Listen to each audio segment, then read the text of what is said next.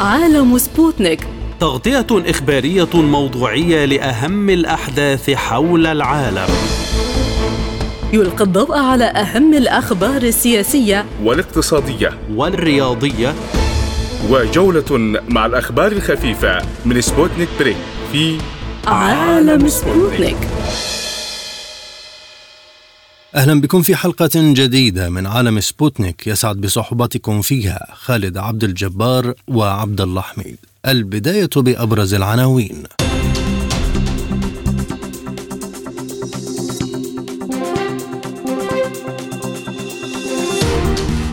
جولة تفاوض جديدة في باريس حول غزة وواشنطن تدعو للتوصل لاتفاق قبل شهر رمضان.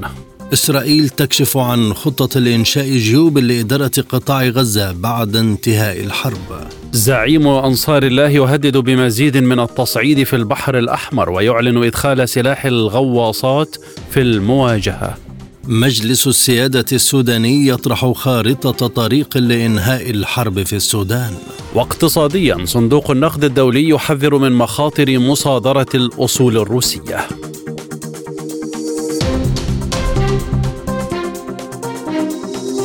إلى التفاصيل. تنطلق في العاصمة الفرنسية باريس جولة ثانية من المفاوضات غير المباشرة في محاولة للتوصل لاتفاق تبادل الأسرى بين إسرائيل وحركة حماس. وافاد موقع أكسيوس نقلا عن مصدر مطلع ومسؤول إسرائيلي بأن مدير وكالة الاستخبارات المركزية الأمريكية ويليام بيرنز توجه لباريس لإجراء محادثات مع مسؤولين قطريين ومصريين وإسرائيليين حول الجهود المبذولة للتوصل إلى اتفاق تبادل الاسرى بين إسرائيل وحماس. من جهته وافق مجلس الحرب الإسرائيلي على إرسال وفد إلى باريس لاستئناف المفاوضات بشأن صفقة التبادل. وذكر موقع والا الإسرائيلي أن المجلس وافق على توسيع التفويض المخول للوفد التفاوضي إلى باريس. ليشمل التفاوض وليس الإصغاء فقط حسب ما كانت الحال سابقا في مفاوضات القاهرة. إلى ذلك قالت هيئة البث الرسمية الإسرائيلية كان أن قطر ومصر أبلغتا إسرائيل بأن حركة حماس أظهرت استعدادا لتليين موقفها بشأن مطلبين اعتبرتهما إسرائيل مطالب خيالية. من جهته أكد المتحدث باسم البيت الأبيض الخميس أن المحادثات التي يجريها مبعوث الرئيس الأمريكي بشأن إطلاق سراح المحتجزين وما وصفها بوقف الأعمال العدائية في غزة تسير بشكل جيد. المزيد ينضم إلينا من عمان الكاتب والباحث السياسي السيد معين الطاهر. أهلا بك سيد الكريم. ما دلالة إرسال إسرائيل وفدا للمشاركة في محادثات باريس بعد زيارة مدير السي آي إي لتل أبيب؟ نعم من الواضح أن هنالك خلافات آه، شديدة في داخل الحكومة الإسرائيلية. هنالك من يعتقد أنه يجب أن تعطى أولوية لإطلاق سراح بعض الرهائن على الأقل. وهنالك بنيامين نتنياهو ووزراء آخرين يريدون أن يستمر زخم العمليات القتالية كما هو ولا يعطون الأولوية لموضوع الرهائن، هذا أدى إلى حدوث انقسام في داخل الحكومة الإسرائيلية وفي داخل مجلس الحرب الإسرائيلي، يبدو أن هذا نتيجة ضغط ذوي المختطفين والشارع الإسرائيلي. ادى إلى يعني موافقة الحكومة الإسرائيلية على إرسال آه، رئيس الموساد الإسرائيلي إلى باريس للانضمام إلى المحادثات الجارية هناك لعله يمكن الوصول إلى صفقة جديدة لإطلاق سراح على الأقل الكبار السن والمحتجزين وربما المجندات في حين يبقى المجندين الذكور لمرحلة أخرى من المفاوضات ويتم ذلك خلال هذه الفترة. فترة هدنة طويلة تأمل الولايات المتحدة فيها أن يعني يخف حجم المعاناة الإنسانية. وقد تحاول أن تصل إلى وقف إطلاق النار وإلى تحقيق أهداف الحرب المعلنة المتواطئة بها الولايات المتحدة مع إسرائيل بطرق أخرى مختلفة. هل واشنطن جادة برأيك هذه المرة في الضغط على إسرائيل للتوصل لاتفاق؟ لا لا لا أعتقد ان أن واشنطن جادة بالضغط أو أنها تقوم بأي نوع من أنواع الضغط ولكن ما يحدث هو أن واشنطن تريد تجميل صورة العدوان الإسرائيلي والخلافات بين واشنطن وإسرائيل في هذا الموضوع. هي خلافات من يقع في داخل المعسكر الواحد حول أفضل السبل المؤدية لتحقيق الأهداف الإسرائيلية دون الإساءة إلى مكانة إسرائيل الدولية أو إلى مكانة أو تخفيف حجم هذه الإساءة ودون الإساءة إلى مكانة واشنطن الدولية وادعائها بالحرص على الإنسان واشنطن تقول لإسرائيل لا مانع من أن تهاجموا رفح ولكن عليكم أن تقتلوا عددا أقل. هذا هو الخلاف، الخلاف هو حول أسلوب القتال، أسلوب الصراع وليس حول الأهداف ذاتها. ودليل ذلك أن واشنطن حتى هذه اللحظة حتى قبل بضعة أيام قد أفشلت كل المحاولات التي جرت في مجلس الأمن لتحقيق وقف اطلاق النار، حتى هذه اللحظة واشنطن ترفض تحقيق وقف اطلاق النار. وتريد فقط أن تقوم بعمل هدن لفترات قصيرة تستأنف بعدها إسرائيل عملياتها القتالية. مصر وقطر ابلغتا إسرائيل بتليين حماس موقفها، ما طبيعة التغير في موقف حماس؟ يعني أنا أنا أظن أن بالقدر الذي تحتاج به الحكومة الإسرائيلية إلى تحقيق صفقة لتخفيف الوضع الداخلي عليها فيما يتعلق بإطلاق سراح بعض الأسرى الإسرائيليين لدى المقاومة الفلسطينية فان حماس أيضا تحتاج إلى هدنة على الأقل وذلك من أجل تخفيف المعاناة الإنسانية التي وصلت إلى حد المجاعه في شمال غزة. نعلم أنه في كل مفاوضات يقوم كل طرف يعني وضع شروط الحد الأقصى بعد ذلك يتنازل بالتدريج ربما يكون التنازل الذي قدمته حماس يتعلق ب يعني إطلاق سراح عدد أكبر من المحتجزين ربما دمج مرحلتين كان الاتفاق عليهما سابقا وهما مرحلة كبار السن والنساء والأطفال مع مرحلة المجندات في مرحلة واحدة ويبقى لديها الجنود الذكور في المرحلة النهائية. ربما تراجعت وربما قد تكون قد يعني أجلت موضوع الوصول إلى وقف شامل لإطلاق النار وانسحاب كامل للقوات الإسرائيلية من قطاع غزة والبدء بإعادة الإعمار باتجاه يعني التركيز على المساعدات الإنسانية وتحقيق خدمة طويلة على الأقل خلال شهر رمضان وبعد يليه لكي يتمكن المواطنون في غزة من التقاط الأنفاس. التسريبات تقول إن الجوانب التي تنازلت عنها حركة حماس تتمثل في الأسماء الكبيرة في السجون الإسرائيلية. ماذا يعني ذلك برأيك؟ نعم من الممكن أن يتم تأجيل ذلك إلى المرحلة النهائية أنا أعتقد أن حماس تعتقد أن زال لديها أوراق ضغط فيما يتعلق بعمليات تبادل الأسرى وهي الجنود الإسرائيليين المحتجزون لديها ربما يكون ذلك يعني لا توجد لدي في الحقيقة معلومات دقيقة حول ذلك ولكن أنا أتوقع أن يعني هنالك ضغط إنساني كبير أيضا على المقاومة الفلسطينية وعلى حركة حماس في غزة تجاه تخفيف المعاناة الإنسانية التي لم يعد العالم يعبأ يعني بها لذلك هي تحتاج أيضا إلى هذه الهدنة حتى يتمكن المواطنون في غزة من التقاط الانفاس. ماذا عن الموقف الإسرائيلي في المقابل خصوصا بعد توسيع المهام الممنوحة للوفد المفاوض في باريس؟ يعني هنالك كان خلاف لاحظنا أنه بالمرحلة السابقة منع نتنياهو رئيس الموساد والجنرال المغلف من شرح المفاوضات التوجه إلى القاهرة، المشكلة لم تكن فقط في من هم الأسرى الذين سيتم إطلاق سراحهم ولا بنوعيه ذلك، المشكلة كانت تتعلق بانسحاب القوات الإسرائيلية، كانت تتعلق بزخم العملية الإسرائيلية ذاتها، نتنياهو كان يريد أن ينتهي من معركة رفح قبل أن ان يتم إنجاز صفقة تبادل، ولم يكن يعبأ بأن يكون هذا الموضوع يحدث في شهر رمضان، أنا أظن أن هنالك رأي آخر في الحكومة الإسرائيلية ورأي آخر أيضا للإدارة الأمريكية تقول إن شهر رمضان ليس شهرا مناسبا لهذه العملية العسكرية التي من الممكن أن تؤدي إلى خسائر مدنية عالية نظرا لاكتظاظ رفح بالسكان التي من الممكن أيضا أن تلهب مشاعر العرب والمسلمين. في مختلف الدول العربية والإسلامية عندما يحدث ذلك في شهر رمضان لذلك يعني التراجع الذي ربما يكون قد تراجعت عنه الحكومة الإسرائيلية هو أنها ستؤجل عملية رفح إلى ما بعد ما بعد شهر رمضان إذا تمت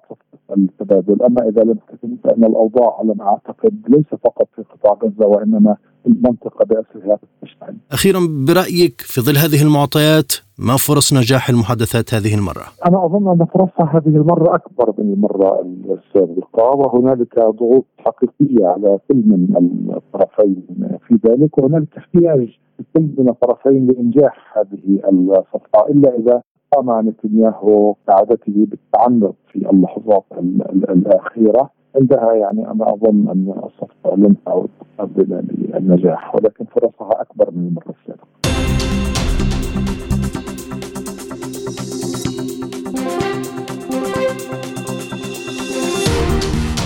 قال مسؤول إسرائيلي رفيع لوكالة رويترز أمس الخميس إن إسرائيل تسعى إلى تعيين فلسطينيين لا ينتمون إلى حركة حماس لإدارة الشؤون المدنية في مناطق بقطاع غزة بعد انتهاء الحرب.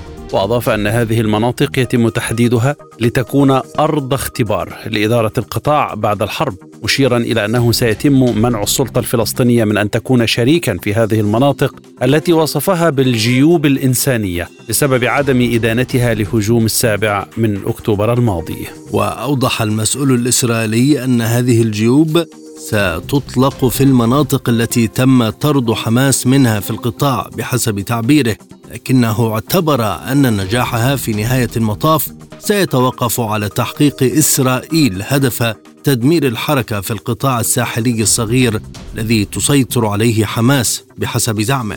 في المقابل اعتبرت حركة حماس الخطة التي صرح المسؤول الإسرائيلي بأنها ستستبعد أيضا أي موظف مدرج على قوائم الرواتب لدى السلطة الفلسطينية المعترف بها دوليا ستكون إعادة احتلال إسرائيلي لغزة ومحكوم عليها بالفشل.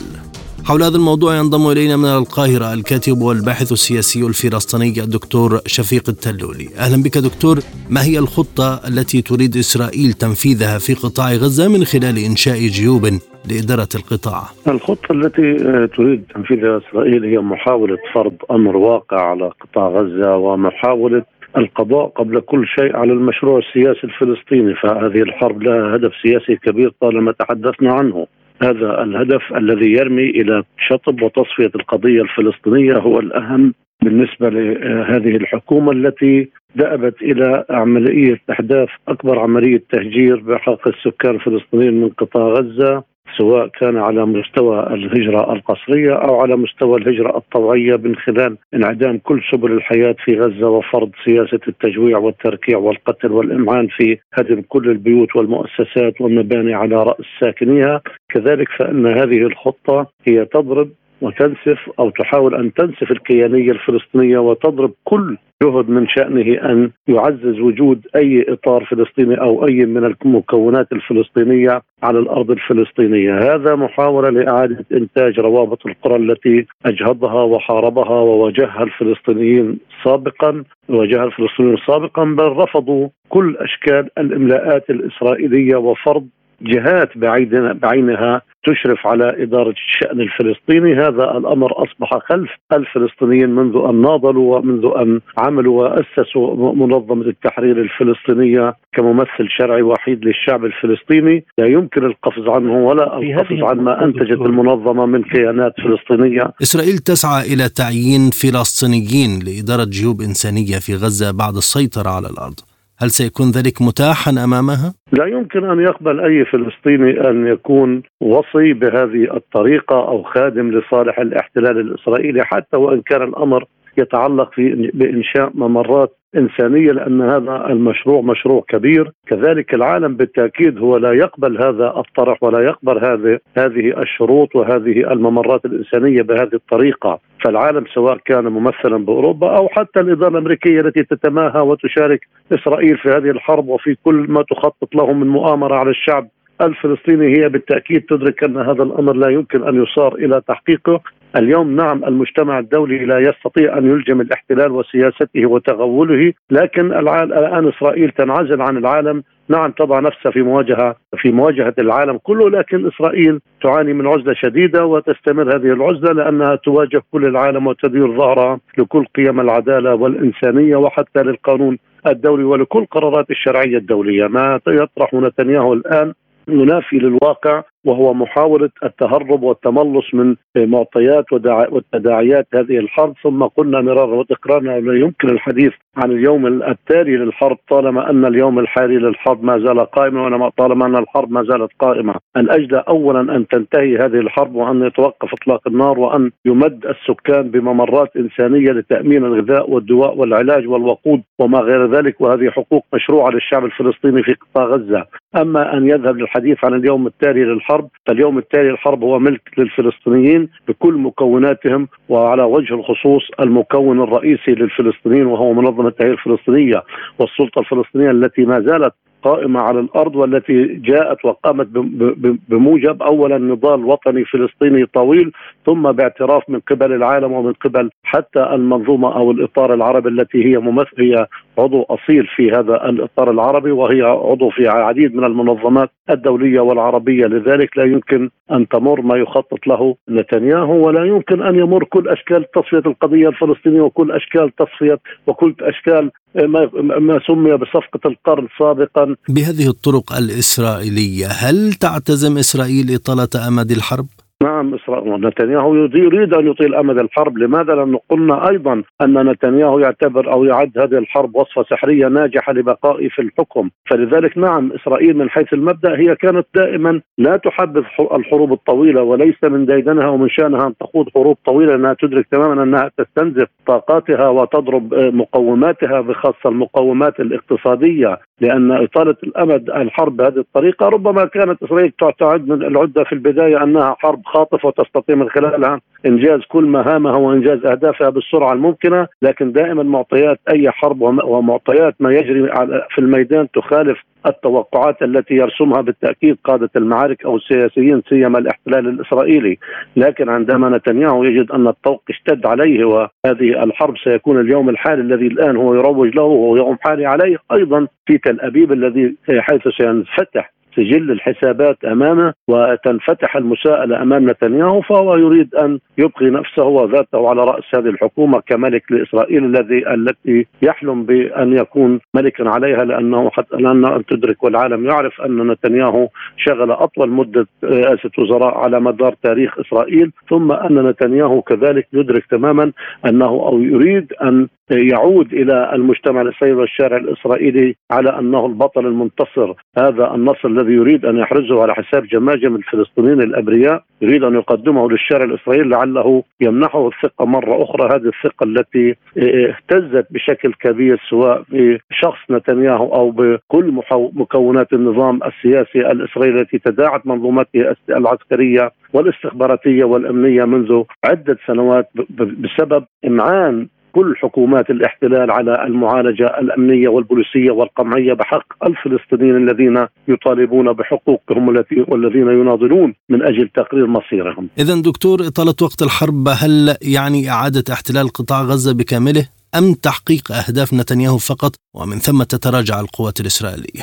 هو ان يحتل قطاع غزة بالكامل هذا أمر أعتقد أنه من الصعوبة بمكان أن تسعى إليه دولة الاحتلال الإسرائيلي لأنها كانت تخلصت من عبء قطاع غزة بكل تأكيد نتيجة أسباب طويلة وعديدة وفككت مستوطناتها من قطاع غزة، أما أن تعود إلى الاحتلال بالكامل هذا ربما ليس آه، الأمر الواقعي والأمر الذي يمكن تحقيقه، لكن من الممكن أن تسعى هذه الحكومة وأعتقد هي ما تسعى إليه أن تحتل أجزاء في قطاع غزة أن تقيم مناطق عازلة وأحزمة ممتدة تحاول أن خلالها أن تؤمن غلاف غزة كما تدعي أو ربما تقدم على التمترس عند آه، آه، الحدود المصرية الفلسطينية وأبعد من ذلك ربما يعني تحاول هدم أو تحاول إعادة صياغة اتفاقية معبر رفح التي عقدت في 2005 والمعروفة وكذلك الاتفاقيات التي عقدت بين مصر وبين الاحتلال أو بين إسرائيل سابقا في كامب ديفيد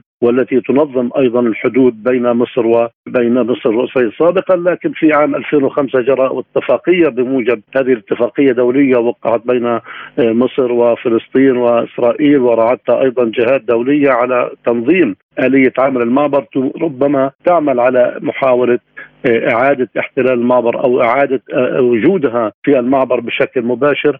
هذه أشكال يريد من خلالها نتنياهو أن يفرض ذاته وأن يعيد احتلال قطاع غزة بشكل جزئي على أرضية أن يحاول أن يشد الطوق على قطاع غزة. ليس كما يدعي أنه له لديه أهداف عسكرية وأمنية وإلى آخره لكن هو بالدرجة الأساسية كلما أمعن في هذه السياسة هو وحكومته وأركان هذه الدولة بالتأكيد يحققون الهجرة الطوعية للفلسطينيين وبالتالي يقوموا بتنفيذ مشروعهم الصهيوني اليهودي على كل الأرض الفلسطينية. وهذا كله يجري مع الأسف أمام صمت العالم وممارسة ازدواجيه المعايير التي يمارسها الفاعلين الدوليين في المجتمع الدولي وبخاصة الإدارة الأمريكية التي التي قبل أيام فقط قامت بوضع فيتو أمام قرار وقف إطلاق النار في غزة للمرة الرابعة على التوالي. وهذا يؤكد أننا أمام مجتمع آه، يظلم الفلسطينيين ولا يقيم وزن لمظلومية الفلسطينيين في الوقت الذي يعني يمارس فيه الكلب بالمكيالين وسياسة ازدواجيه المعايير ويقف على قضاء أمام قضايا بعينها في العالم منحازا لدول آه، بعينها مثل الأزمة آه، أو الحرب الروسية الأوكرانية وانحياز أمريكا إلى الواضح إلى أوكرانيا هو في ذات الوقت لا يلتفت إلى معاناة الفلسطينيين ولا يقف في وجه إسرائيل التي تريد أن تضرب كل قرارات الشرعية الدولية التي يدعي أو تدعي الإدارة الأمريكية أنها تحمي هذه القرارات وتحمي المؤسسات الدولية وتحمي حقوق الإنسان.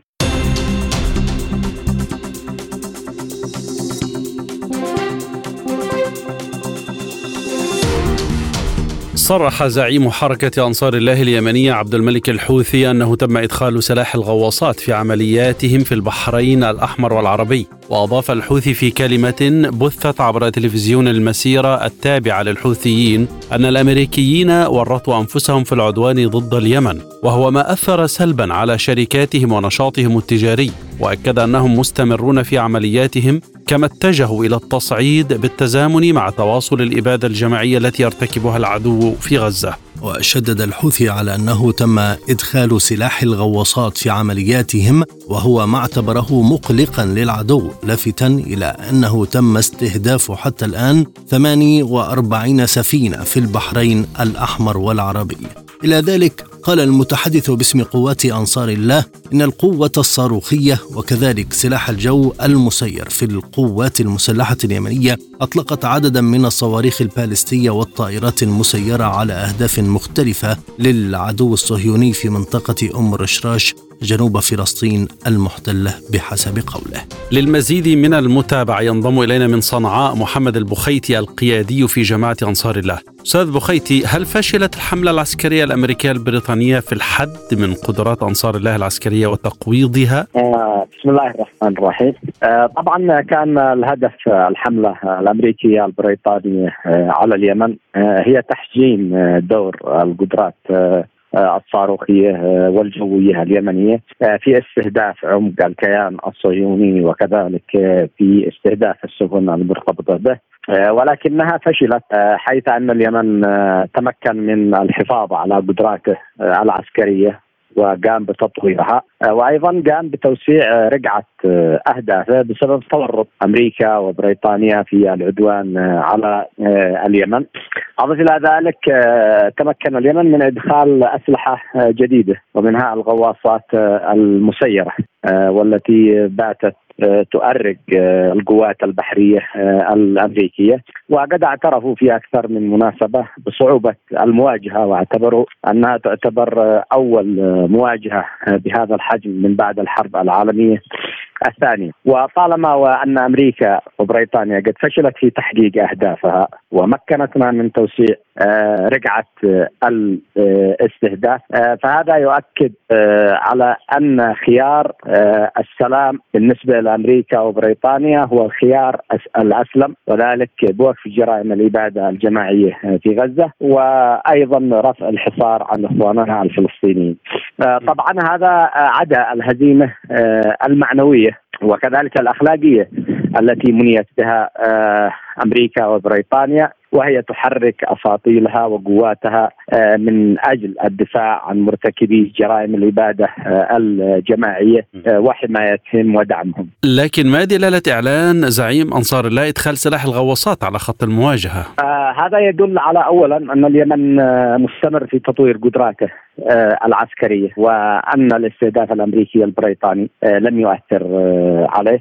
أضف إلى ذلك أن هذه أيضا رسالة لدول العدوان بأن اليمن لا زال يمتلك الكثير من القدرات ويمتلك الكثير من المفاجآت وأننا كنا صادقين فيما سبق وأعلنا عنه من إمكانية التصعيد وإدخال أسلحة جديدة وبالتالي على أمريكا وبريطانيا أن تأخذ تحذيرات اليمن على محمل الجد ونكرر نصيحة الولايات المتحدة الأمريكية وبريطانيا بالتحرك لوقف جرائم الاباده الجماعية كخيار أفضل. لأن تحقيق ذلك الهدف سيجعلنا نوقف كل هجماتنا بشكل تلقائي وفوري. لكن في المقابل أستاذ محمد قد يلجأ التحالف الأمريكي البريطاني لتغيير نهجه العسكري في التعامل مع أنصار الله. أي توسيع لاستهدافه سنقابل التصعيد بالتصعيد، وأضف إلى ذلك أن اليمن اليمن قد خسر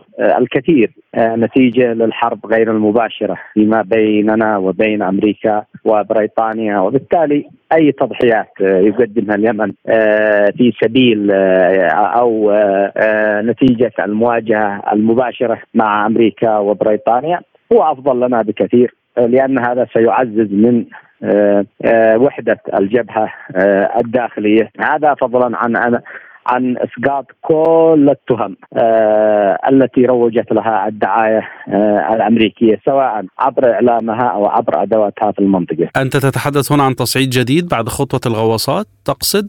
آه نعم سواء فيما يتعلق آه بقدراتنا أو سو أو فيما يتعلق بتوسيع آه رقعة أهدافنا.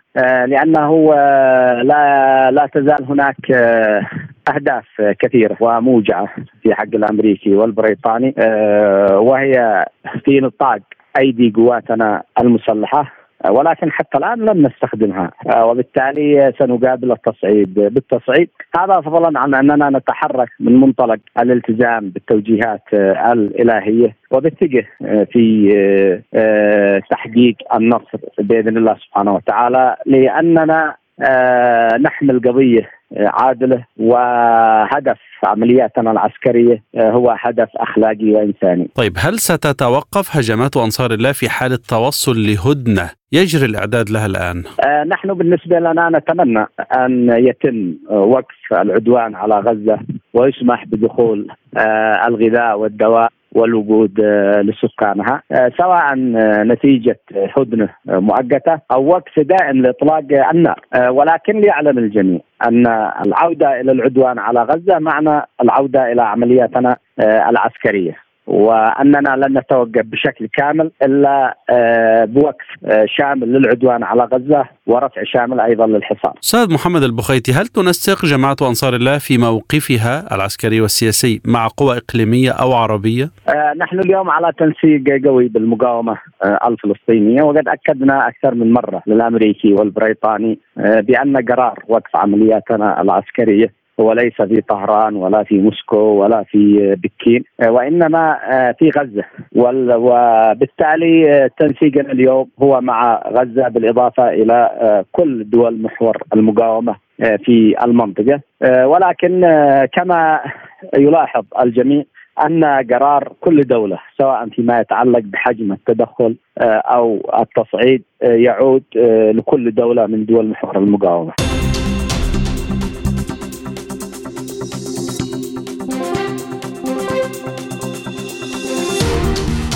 كشف نائب رئيس مجلس السيادة السوداني مالك عقار عن خارطة طريق إنهاء الحرب الخاصة بحكومة السودان بمراحلها الأربعة. جاء ذلك خلال لقائه في مقر السفارة السودانية في أوغندا سفراء المجموعة الأفريقية. وأوضح أن تعاطي السودان مع أي مبادرة يستند إلى احترام سيادة البلاد أن الحكومة لن تنخرط في أي مبادرة تنتقص من سيادة السودان وتهدد أمنه القومي. وأكد مالك عقار أن انفتاح السودان على المبادرات الإقليمية المطروحة لحل الأزمة أمر وارد فضلا عن قضية خروج الأجانب من السودان. وأضاف أن الحرب الدائرة في السودان الآن هي حرب احتلال استعانت فيها الميليشيا أي قوات الدعم السريع بعدد من الدول ومارست شتى أنواع الانتهاكات. المزيد ينضم إلينا من كمبالا الكاتب والباحث السياسي السوداني السيد الجميل الفاضل. أهلا بك سيد الكريم ما ملامح خارطة الطريق التي يطرحها مجلس السيادة؟ إلى الآن لم تتضح المعالم الحقيقية لما طرحه آه، نائب رئيس مجلس السيادة آه، في حكومة الأمر الواقع الأستاذ مالك عباس آه، أبان زيارته لقندا والتقاء بالرئيس لكن وردت الإشارة بين تضعيف الخبر إلى أن هناك رؤية آه، تطرحها يطرحها الجانب الحكومي لإيجاد مخرج من مأزق الحرب الذي تعيشه البلاد آه، لنحو عشرة أشهر. آه، في تصوري أن الحكومة التي يمثلها قادة الجيش إلى الآن لم تتبلور رؤى واضحة لكيف يمكن إنهاء حالة الحرب في السودان. هناك جهات عدة دولية وإقليمية وسودانية أيضا لها أطروحات فيما يتعلق بضرورة إنهاء الحرب. آه، لكن إلى الآن يبدو أن الحكومة آه، التي آه، تدير أعمالها من مدينة صور السودان تقدم قدم وتؤخر أخرى. ولا يعرف على وجه الدقة هناك تضارب في التصريحات من قبل المسؤولين في هذه الحكومة ومن قبل جنرالات الجيش آه، تجد إشارات آه، متناقضه تصدر عن الفريق الأول عبد الفتاح برهان في لقاءاته بالوحدات العسكرية. آه، أيضا تستمع إلى الفريق الأول شمس الدين كباشي نائب قائد عام الجيش يتحدث عن أنه لا سبيل للخوض في حلول سياسية إلا بإنهاء بإنتهاء حالة الحرب وانتصار الجيش بالضرورة. كما يتصور وبالتالي آه، يأتي هذا الحديث الجديد آه، من آه، مالك عجارنا رئيس مجلس السيادة وحديثه عن أن هناك خارطه طريق أو آلية أو رؤية لإيجاد حل من قبل الحكومة لإنهاء حالة الحرب. هل تتميز هذه المبادرة برأيك عن المبادرات المطروحة سابقا لحل الأزمة؟ أنا في أتصور أن جانب قياده الجيش والمجلس السيادي الذي يعبر عن هذه الحكومة. يتبضع في الوقت التجربة أكدت بأنه يحاول جهد الطاقه أن يكسب مزيد من الوقت لإدارة الشأن العملياتي والعسكري وأن يعطي بارقة أمل من حين إلى آخر في إمكانية إيجاد حل آه، لكن لا توجد إرادة حقيقية. للوصول إلى حل سياسي خاصة وأن منابر شتى قد انفتحت أمام هذه القيادة في المنامة في البحرين أو في اللقاءات التي تمت في أديس أو في جيبوتي أو في آه، كمبالا كلها ذهبت في اتجاه إمكانية اتاحه منبر للحل، أنا أعتقد انها ان أن الجيش وقيادة الجيش إلى الآن لا يريد ولا يرغب في فتح باب لإمكانية إنهاء الحرب دون شروطه التي آه، يرغب فيها، ومن ضمن هذه الشروط إمكانية إحداث تغير آه، في نظام القوى الميداني والعسكري والحربي. وحتى الآن الأوضاع على الأرض لا تعطي هذا المؤشر. أتصور أن هذا هو العامل الرئيسي الحاسم آه، في إمكانية أن آه، يقبل تقبل قيادة الجيش الجلوس للتفاوض مع الطرف الآخر. ولذلك فشلت كافة هذه المساعي نتيجة لأن موازين القوى لم تتبدل بدرجة كبيرة لصالح الجيش هذه الخطوة من جانب مجلس السيادة ألا تعطي ثقة في رغبة منهم لإنهاء الحرب؟ نعم هو آه هو تأكيد لفظي لحقيقة آه ربما استشعر مجلس السيادة بأن هناك آه نطاق من العزلة قد ضرب عليه برفضه لمبادرة آه مجموعة دول الإيجاب وأيضا بعدم آه، حضوره ومشاركته في اجتماعات الاتحاد الأفريقي بحسبان أن قضية السودان معلقة. وأيضا يبدو أن القوى التي نشطت في سبيل تيسير عملية الوصول لحل قد استيأست من مجلس القيادة ومن مواقفه وبالتالي هذا الأمر يريد مجلس القيادة أن يعطي به رسالة في الإطار الدبلوماسي أنه منفتح على الحلول وأنه غير متعنت لكن لا تصور أن الأمر بذات الدرجة من الجدية في اتجاه امكانيه الجلوس والوصول إلى حل لأن الإشارات تبدو متناقضه من أطراف مؤثرة داخل هذا الجهاز الحكومي وتأثيرات أيضا لحركة الإخوان المسلمين في السودان وامساكها بكافة خيوط هذه الحرب. آه، لا تستطيع هذه القيادات العسكرية لوحدها أن تذهب في اتجاه إنهاء حالة الحرب. ما إمكانية التواصل لاتفاق ينهي هذه الحرب في أقرب وقت في ظل عدم قدرة أي طرف على الحسم العسكري؟ في الافق المنظور إلى الآن أنا لا أتصور أن هناك إمكانية تبقي آه، واضحة الملامح للوصول إلى حل وأعتقد أن كلا طرفي الحرب الآن رغم حالة الرهق التي أصابت الجيشين ورغم محاولة كل طرف أن يجدد دماء قواته وأن يجد لها عون وسند. لكن في نهاية الأمر هذه المعارك لن تحسم بالطريقة الحربيه والعسكريه ولكن يبدو أن قادة الطرفين إلى الآن لم يبلغا درجة يدركا فيها أنه من الصعب حسم هذه المعارك عسكريا. آه، في ذلك الوقت يمكن أن نقول أن إمكانية الجلوس والتفاوض والوصول إلى حل تبدو ممكنة لكن هذا لا يبدو في الأفق المنظور أمامي إلى الآن أنه بات وشيء.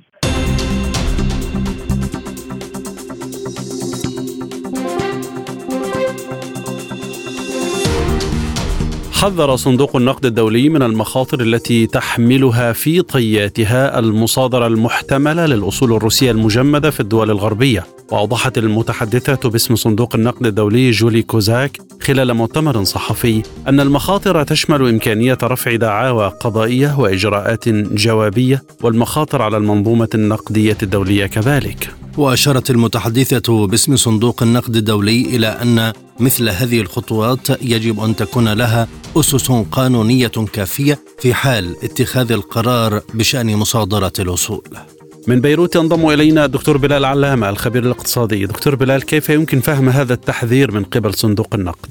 اولا تحيه لكم تحيه للمستمعين الكرام لابد من التوضيح بان آه، نصائح وتوجيهات صندوق النقد الدولي هي تلتزم بالأنظمة الاقتصادية العامة المعمول فيها في العالم. وبالتالي دائما آه، آه، عندما نقول أن أصول لدولة معينة فهي ملك الشعب وليست ملك النظام أو السلطة ولا من يتحكمون بالنظام والسلطة. وبالتالي عندما يحذر صندوق النقد الدولي من مصادرة أصول الدولة الروسية فهو يطلق تحذيره انطلاقا من من كون هذه الأصول وهذه الموجودات هي ملك الشعب الروسي وتتعلق بمستقبل الشعب الروسي وديمومته واستدامته لناحية توفر كل الموارد والإمكانيات التي تسمح ببقاء هذا المجتمع آه، آه، مستمرا بطريقة آه، فينا نستطيع القول فيها أنها الحد الأدنى لمعيشة مجتمع معين أو لتأمين المتطلبات الأدنى لمجتمع معين. صندوق النقد ينطلق من حذره من أن خسارة هذه الاحتمالات المستقبلية قد تولد في مكان ما مشكلة على مستوى المجتمع وكلنا يعلم أن المجتمع الروسي هو مجتمع كبير وله تأثير كبير في منطقة أوروبا والشرق الأوسط وتحديدا المحور الذي يتحرك من أفريقيا إلى آسيا إلى أوروبا. ومن غير المسموح تعريض المجتمع الروسي لأي خطر معين. لكن ما مدى استجابة الغرب لتحذيرات صندوق النقد الدولي للعدول عن هذه الخطوة غير القانونية؟ يجب على الغرب أن أن يأخذ بعين الاعتبار أن آه، موجودات وأصول آه، المجتمع الروسي هي هي ضمانة لبقاء المجتمع الروسي آه، في حالة من التوازن والاستقرار وبالتالي عليهم أن يعلموا أن أي خطوة باتجاه عدم الأخذ بهذه النصائح ستولد لهم مشاكل أكثر. يستطيع المجتمع الروسي أن يكون مؤثرا كثيرا في كل الدول الأوروبية وبالتالي سيعرضها لمتاعب ومشاكل. ومن الأفضل أن أن نأخذ الأمور أو المجتمع الغربي يأخذ الأمور بعين العقل والمنطق. والحفاظ على الحد الأدنى من القوانين الدولية وعدم الدخول في انتهاكات آه، آه، لأن لا لا يحق للغرب أصلا التدخل في الشأن الروسي آه، بالشكل الذي يحصل أو حصل ويحصل. وبالتالي نصيحة صندوق النقد هي نصيحة علمية منطقية تتعلق بضمان الاستقرار وبسلامة الغرب والدول الغربية كي لا تتعرض لمتاعب مستقبلية على عدة مستويات سواء المستوى الاجتماعي أو المستوى الاقتصادي أو حتى المستوى السياسي والقانوني الدولي. ما هي المخاطر المتوقعة لمصادرة الأصول الروسية على المنظومة النقدية الدولية؟ أعتقد أن مصادرة الأصول الروسية هي عملية نستطيع القول فيها أنها غير قانونية وهي عملية بلطجه على الاقتصاد واستعمل عبارة بلطجة لانها خارج الأطر القانونية. لا يستطيع أحد مهما بلغ مداه وقوته في العالم اليوم أن يتحكم ويصادر أصول دولة أخرى ذات سيادة مطلقة ولديها نظامها وآليات الحكم فيها وهي آه، فاعلة آه، على المستوى الدولي لا يستطيع أحد مهما بلغ قوته أن يذهب لمصادرة هذه الأصول. آه، وبالتالي إن إن هكذا فعل سيولد مشكلة على مستوى الاقتصاد العالمي إضافة إلى المشاكل الأخرى التي آه، تتعلق بالوضع الاجتماعي بالوضع السياسي بالوضع القانوني بالتوازن العالمي ككل. هنا لابد من شرح شيء أساسي أن النظام الاقتصادي العالمي القائم حاليا والذي نستطيع أن نقول أنه يتحكم بكل اللعبة الاقتصادية على المستوى العالمي روسيا جزء أساسي منه ولها تأثيرها ولها فعلها وقد شاهدنا أن كل العقوبات التي فرضت سابقا على روسيا لم تؤتي ثمارها وإن كانت في مكان ما أثرت طفيف بشكل طفيف ولكن البدائل كلها وجدت وبالتالي هذا النظام الاقتصادي العالمي يعتبر الاقتصاد الروسي جزء كبير منه ولا أحد يستطيع اليوم تعريضه للخطر لأنه سيعرض الاقتصاد العالمي ككل للخطر. دكتور بلال علامه إلى أي مدى تقوض هذه الخطوة إن تمت الثقة في النظام الاقتصادي القائم عالميا؟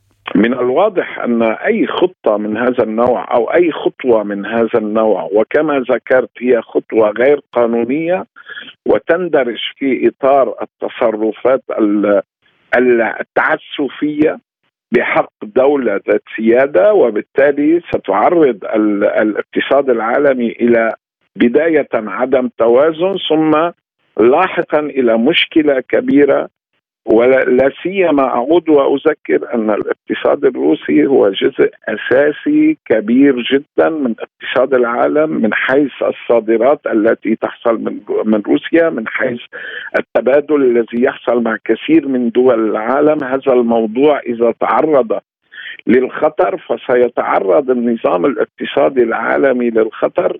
وبالتالي لا يوجد لدى الدول الغربية ولا لدى الولايات المتحدة الأمريكية من هم مسيطرون اليوم على اللعبة الاقتصادية في العالم. لا يوجد بدائل وبالتالي لا يستطيعون تغطية هذا الخلل الذي سيحصل وسيكون نتائجه كارثية على الاقتصاد العالمي وتحديدا على الدول التي ستتجرأ. لتنفيذ خطوة من هذا النوع ومصادرة أصول بطريقة غير قانونية تعتبر عملية بلطجة على أصول دولة نعم. ذات سيادة ولها كل الحق في الحفاظ على مواردها لأجل شعبها وبالتالي هذا الموضوع خطورته بقدر ما هو خطر على روسيا فهو خطر على الدول الغربية وخطر على الاقتصاد العالمي وتوازنه. الآن إلى جولة من الأخبار حول العالم.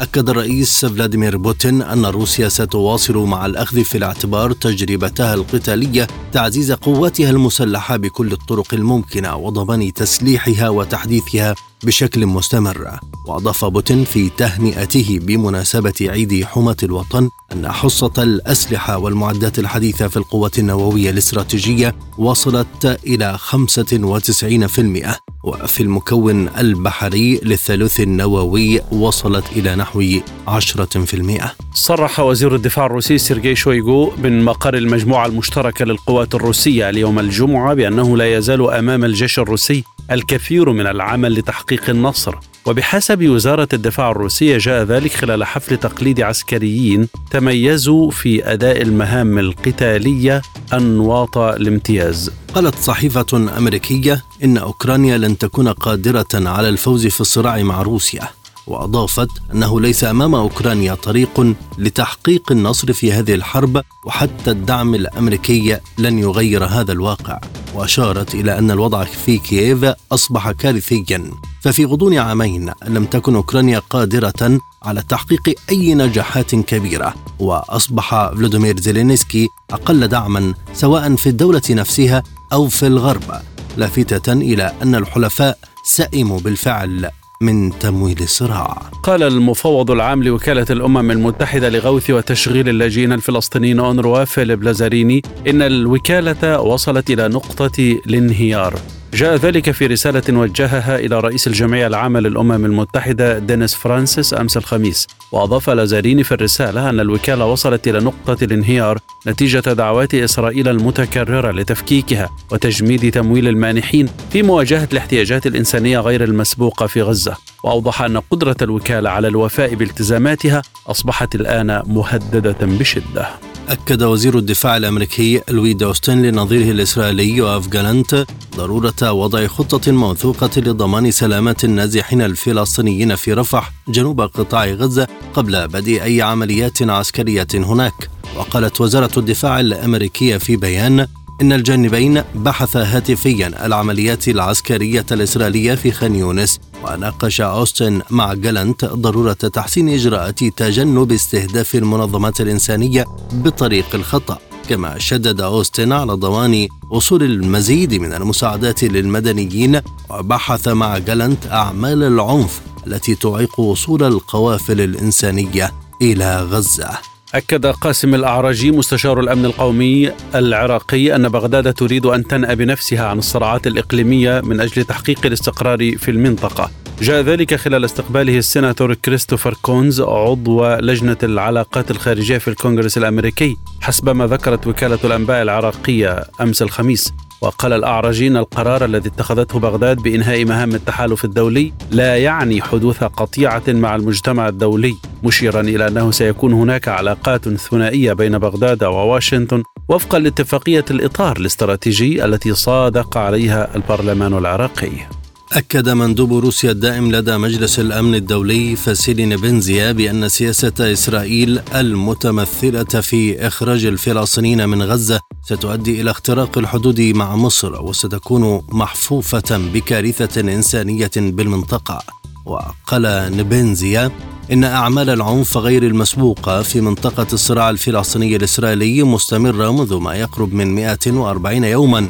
مشيرا إلى أن إحصائيات الخسائر والدمار تتحدث عن نفسها. وقال أن بنزيا إن أكثر من 29 ألف شخص بينهم نساء وأطفال وقعوا ضحايا للقصف العشوائي والإجراءات العنيفة التي قام بها الجيش الإسرائيلي.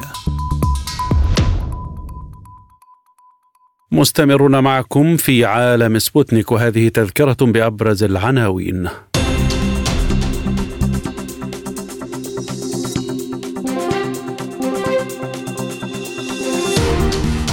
جولة تفاوض جديدة في باريس حول غزة وواشنطن تدعو للتوصل لاتفاق قبل شهر رمضان.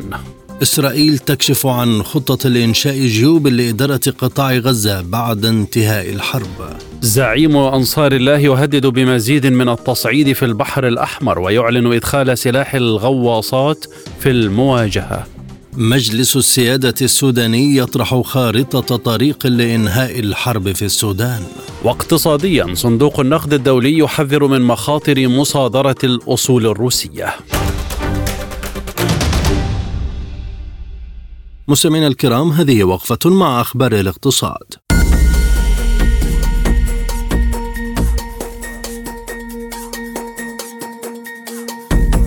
أعلنت الجزائر وموريتانيا تدشين معبرين حدوديين ثابتين بين البلدين كما تم وضع حجر الأساس لمشروع المنطقة الحرة بينهما. وأشرف الرئيس الجزائري عبد المجيد تبون برفقة نظيره الموريتاني محمد ولد الشيخ الغزواني على تدشين المعبرين ويحتوي المعبر الحدودي من الجانب الجزائري على كافة المرافق الضرورية ويتوقع أن يسهم في تحقيق حركية اقتصادية من شأنها رفع وتيرة التنمية بالمناطق الحدودية في البلدين. في السياق أعطى الرئيسان إشارة انطلاق مشروع إنجاز طريق تندوف الجزائر الزويرات موريتانيا ويعتبر الطريق استراتيجيا ويمتد على 840 كيلو مترا يتم إنجازه من طرف مؤسسات جزائرية مما يسمح للبلاد لأول مرة منذ استقلالها بإنجاز منشأة ذات أهمية كبرى خارج حدودها. قرر البنك المركزي التركي عقب اجتماع مجلس إدارته الإبقاء على سعر الفائدة دون تغيير عند مستواه الحالي البالغ 45% سنويا. ولم يؤثر قرار المركزي التركي بنحو كبير على سعر صرف الليرة التركية التي تراجعت أمام صرف الدولار بنحو طفيف بنسبة 0.6 من 100% إلى 30 ليرة فاصل 9 من عشرة. وفقا لبيانات موقع بلومبرج وفي نهاية يناير الماضي رفع المركزي التركي سعر الفائض الرئيسي بواقع 250 نقطة أساس من 42.5% إلى 45% سنويا. حذرت مديرة الاتصالات في صندوق النقد الدولي جولي كوزاك من أن احتجاجات المزارعين في أوروبا قد تؤثر على أسعار المواد الغذائية بالرغم من أن هذه المشكلة ما تزال في بدايتها. وقالت جوزاك للصحفيين في مؤتمر صحفي إنه في الوقت الحالي تتوقع أن يكون تأثير ما يحدث على الإنتاج والاقتصاد بسيطا لأن القطاع الزراعي في معظم الدول الأوروبية صغير نسبيا وشددت ممثله صندوق النقد الدولي على أن تأثير الاحتجاجات على أسعار المواد الغذائية قد يكون كبيرا إذا طال أمد المزاج الاحتجاجي لدى المزارعين ويخطط مزارعون من دول أوروبا الوسطى لتنظيم احتجاجات في مناطق العبور الحدودية. تطرقت صحيفة يديعوت أحرونوت العبرية في تقرير نشرته يوم الخميس إلى ملف تخفيض تصنيف إسرائيل الائتماني والتنبؤات بصدور تقرير سلبي من وكالة فيتش. وذكرت الصحيفة أن الوكالة شددت على قرار خفض التصنيف الائتماني لإسرائيل بدرجة واحدة قبل أن يتم إقناعها في اللحظة الأخيرة خلال اجتماعات مع كبار المسؤولين الاقتصاديين بتأجيل التخفيض. وفي نهاية أكتوبر أعلنت الوكالة عن قرار بالإبقاء على التصنيف A1 ساريا لكنها أضافت تحذيرا سلبيا للتصنيف في المستقبل. ومن المتوقع أن يتم نشر تقرير فيتش التفصيلي خلال ثلاثة أسابيع بعد ختام اجتماعات خبراء الوكالة الاقتصاديين مع كبار المسؤولين في الاقتصاد الإسرائيلي.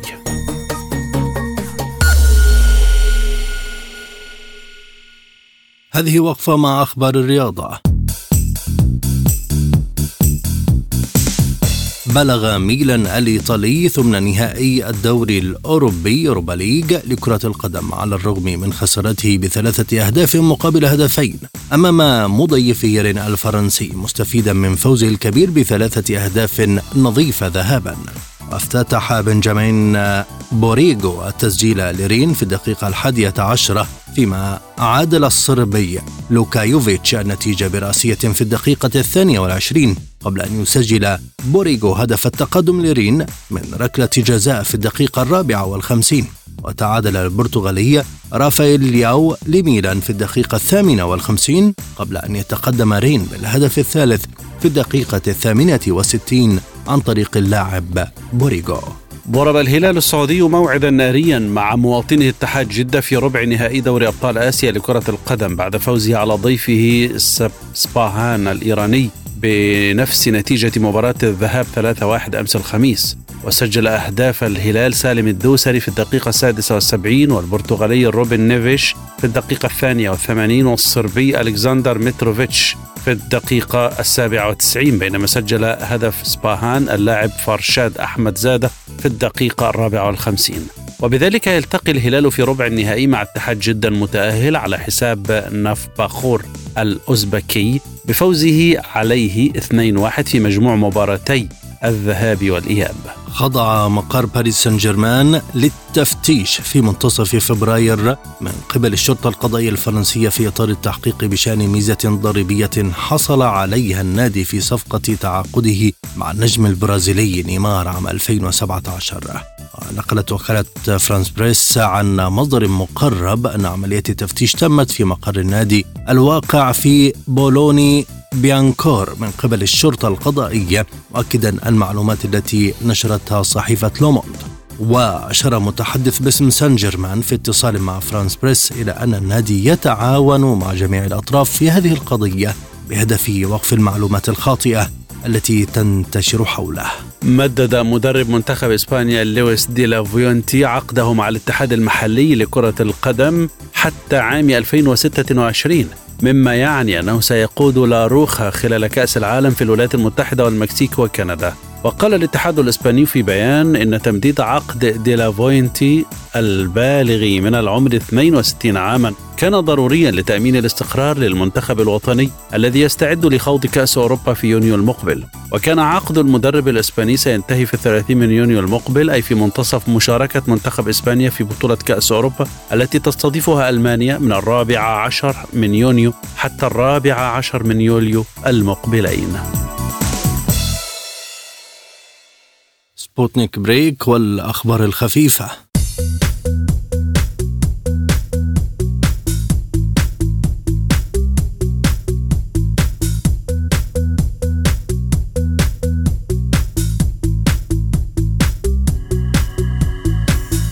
قام فريق دولي من الباحثين بتطوير أداة لتحديد الأشخاص الأكثر عرضة لخطر الإرهاق في مكان العمل.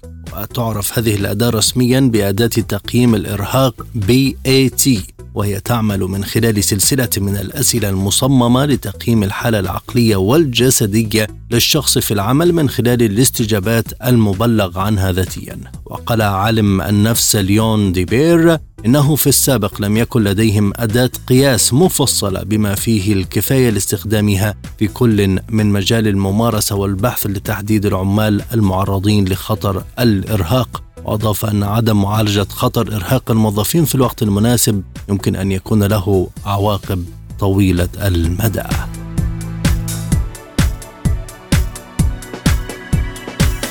عثر باحثون على يد برونزية شمال إسبانيا يعود تاريخها إلى حوالي ألفي سنة أي إلى العصر الحديدي. يوجد عليها أربعة أسطر من الرموز الغريبة المنقوشة عليها. ويشير الباحثون إلى أن هذه الكتابة القديمة مرتبطة بلغات العصر الحجري القديم وربما كانت جزءا من اللغة التي تطورت إلى لغة الباسك في إسبانيا الحديثة. وكتب الباحثون في ورقتهم البحثية المنشورة إن التحليل اللغوي المفصل يشير إلى أن الخط يمثل نظاما فرعيا رسوميا من البالي هيسبانية وهو نظام كتابة كان موجودا في أراضي إسبانيا القديمة يشترك في جذوره مع لغة الباسك الحديثة ويشكل أول مثال على الكتابة الفاسكونية. ختام عالم سبوتنيك إليكم تذكرة بأبرز ملفات هذه الحلقة.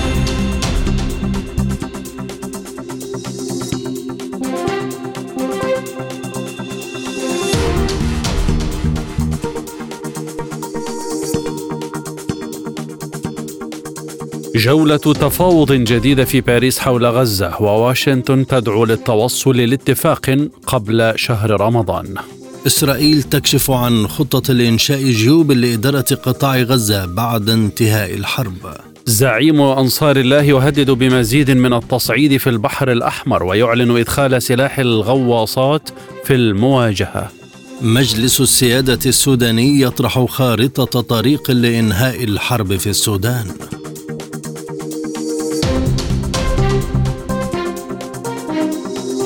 واقتصاديا صندوق النقد الدولي يحذر من مخاطر مصادرة الأصول الروسية. رياضيا الهلال السعودي يلتقي مواطنه الاتحاد في ربع نهائي دوري أبطال آسيا. للمزيد زوروا موقعنا سبوتنيك dot ae. إلى اللقاء.